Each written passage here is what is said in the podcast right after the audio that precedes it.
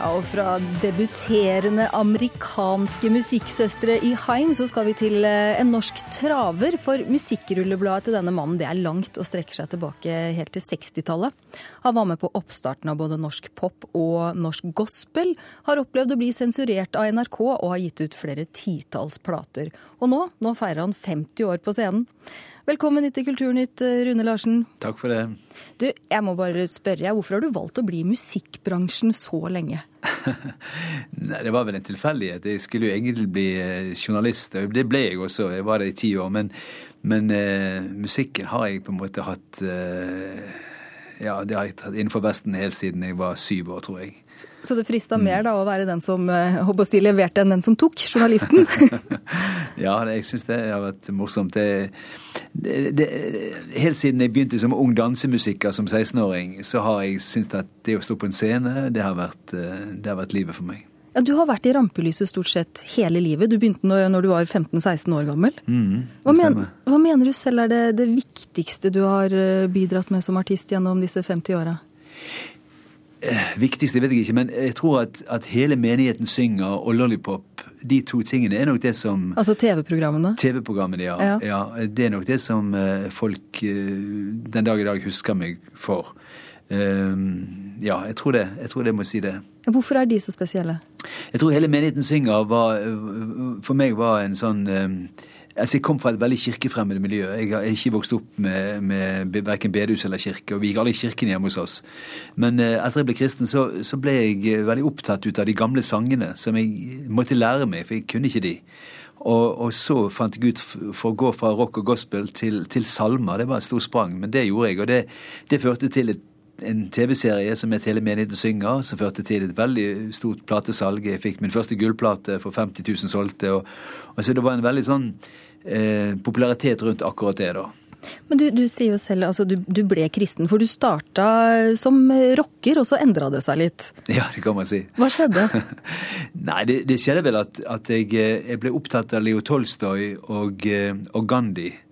Og eh, de hadde et spesielt forhold til en Jesusperson som jeg ikke syntes jeg hadde møtt så veldig ofte i, i kristendomsundervisningen på skolen.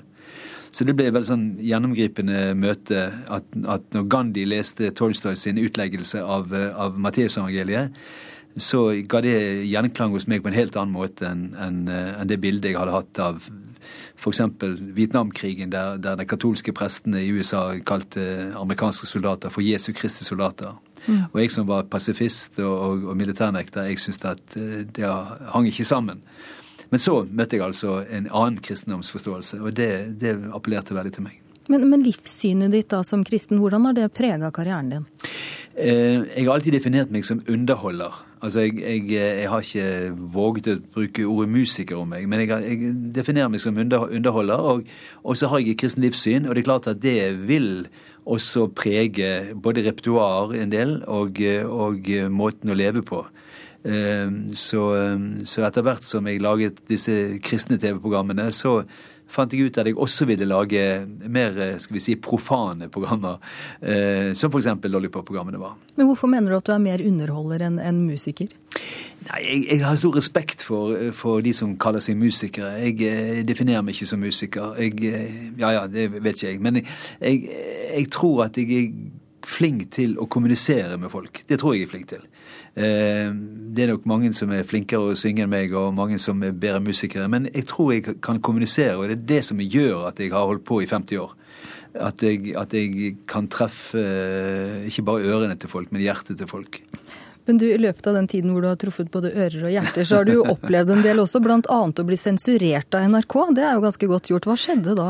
Eh, vi, vi hadde laget noen eh, hele menigheten synger-programmer, vi laget gospelprogrammer på TV. Og så fant jeg ut at hvorfor ikke lage noe som vi kaller, kaller barnegospel?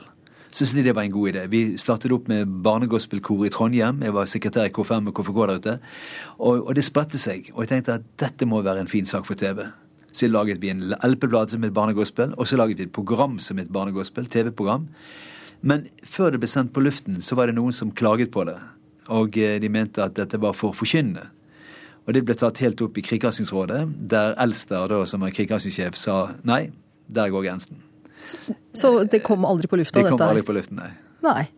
Men da ble du også sensurert fordi det var for forkynnende. Så opp gjennom årene så har du jo fått en del kritikk fra Kristen-Norge også, fordi du, musikken din og holdningene dine kanskje har vært litt for lite forkynnende? Ja da.